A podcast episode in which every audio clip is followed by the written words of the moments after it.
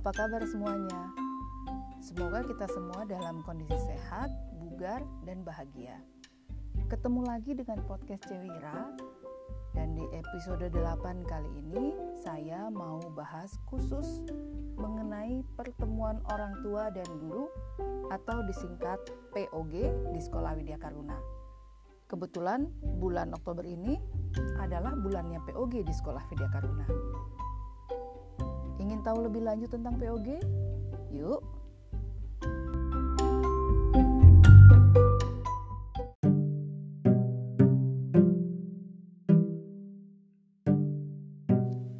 Sebagai mitra keluarga, diperlukan kerjasama yang erat antara sekolah dan orang tua. Salah satunya melalui POG setiap tiga bulan sekali, yang dibarengi dengan pembahasan rapot prasemester atau rapot semester. Sekolah menyiapkan waktu khusus selama satu minggu untuk jadwal POG dan setiap orang tua murid masing-masing mendapat kesempatan 30 menit sampai 1 jam untuk membahas perkembangan buah hatinya. Di masa pandemi ini pun POG tetap dilakukan secara daring. Justru kami melihat di masa anak belajar dari rumah, di mana semua proses belajar dan penyelesaian proyek kelas dilakukan di rumah, kerjasama orang tua dan guru sangat diperlukan. POG yang berlangsung justru lebih panjang. Setiap orang tua murid mendapat kesempatan, mendapat waktu satu jam sampai satu setengah jam. Bahkan untuk kasus-kasus khusus ada yang sampai dua jam. Phew, ya lumayan sih. Tapi setiap hari dibatasi kok maksimal hanya empat sesi POG supaya maksimal hasil yang didapat. Sebenarnya, apa sih yang dibahas di POG sampai selama itu?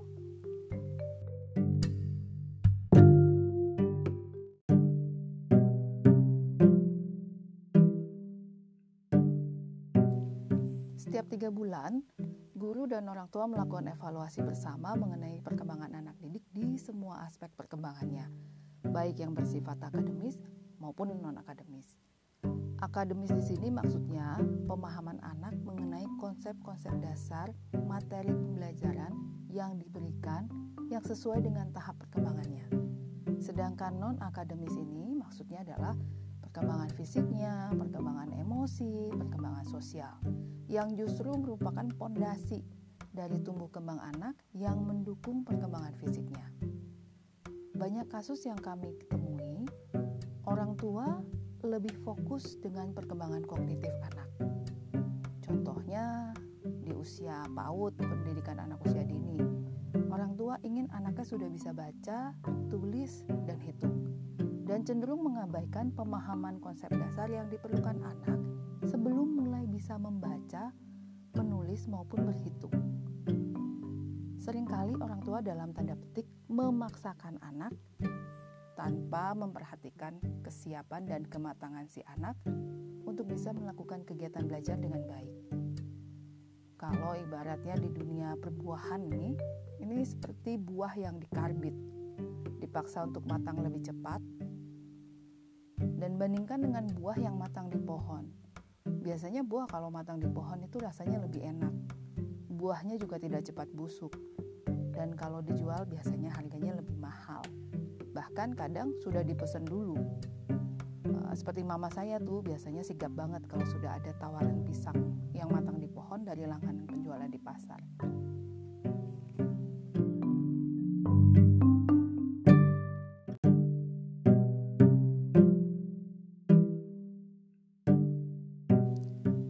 Di POG, guru walinya akan menjelaskan kondisi murid, tahap perkembangannya, tugas-tugas perkembangannya, dan sampai sejauh mana nih si anak didik sudah memenuhi tugas-tugas perkembangannya. Guru juga punya target untuk si anak, dan target ini disesuaikan dengan hasil pemetaan kompetensi dari masing-masing murid. Jadi setiap anak bisa berbeda targetnya. Kemudian guru juga menjelaskan strategi yang akan dilakukan untuk menstimulasi anaknya di sekolah atau kalau sekarang di kelas online dan apa nih yang sebaiknya dilakukan orang tua di rumah untuk menunjang strategi tersebut agar tercapai targetnya.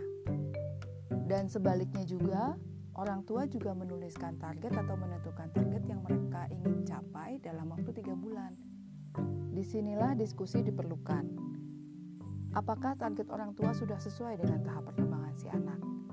Jika sudah sesuai, lalu apa kira-kira yang perlu dilakukan orang tua untuk menstimulasi anaknya di rumah agar mencapai target yang sudah ditetapkan?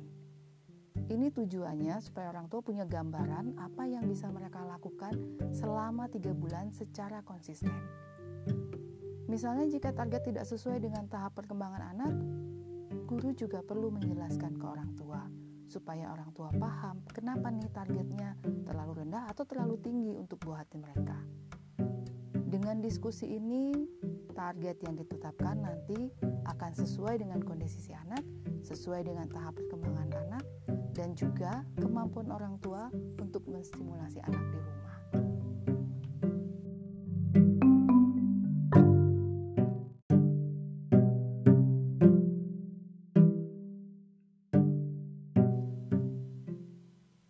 Bisa mencapai target, tentunya perlu kerjasama yang erat antara ayah dan ibu sebagai tim inti dalam keluarga karena diperlukan komitmen untuk konsisten melakukan apa yang sudah ditetapkan dalam strategi pencapaian target.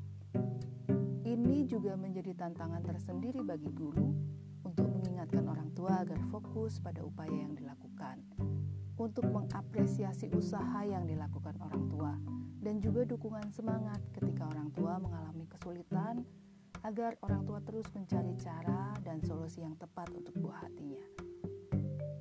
Lalu bagaimana jika target tidak tercapai karena orang tua sibuk dan tidak sempat menerapkan kesepakatan saat POG? Nah, di sini kami akan kembalikan lagi kepada pihak orang tua. Mungkin mereka perlu menurunkan target, disesuaikan dengan kesediaan dan kesiapan mereka untuk melakukan upaya. Tidak akan ada hasil tanpa melakukan upaya. Sedikit upayanya ya sedikit hasilnya. No pain, no gain. Jika menginginkan hasil yang optimal, ya upayanya juga harus maksimal. Saya mau berbagi rahasia dari pengalaman saya waktu menjadi terapis anak berkebutuhan khusus, menghadapi orang tua dengan kasus anak-anak berkebutuhan khusus, atau dalam sesi konseling dan hipnoterapi, hingga kasus-kasus orang tua di sekolah yang saya kelola, saya beritahukan Anda satu hal mengubah perilaku anak itu sebenarnya mudah. Jauh lebih mudah dibandingkan mengubah perilaku orang dewasa. Kuncinya cuma satu. Orang tua mengubah perilakunya terlebih dahulu. Ketika situasi dan kondisi berubah, anak akan beradaptasi dengan cepat. Anak akan berubah. Itu rahasianya. Tinggal sekarang orang dewasanya atau orang tuanya mau berubah atau tidak.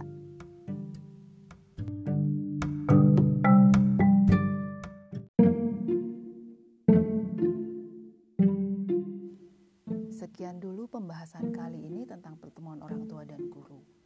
Mohon maaf jika ada yang merasa tidak nyaman dengan apa yang disampaikan barusan.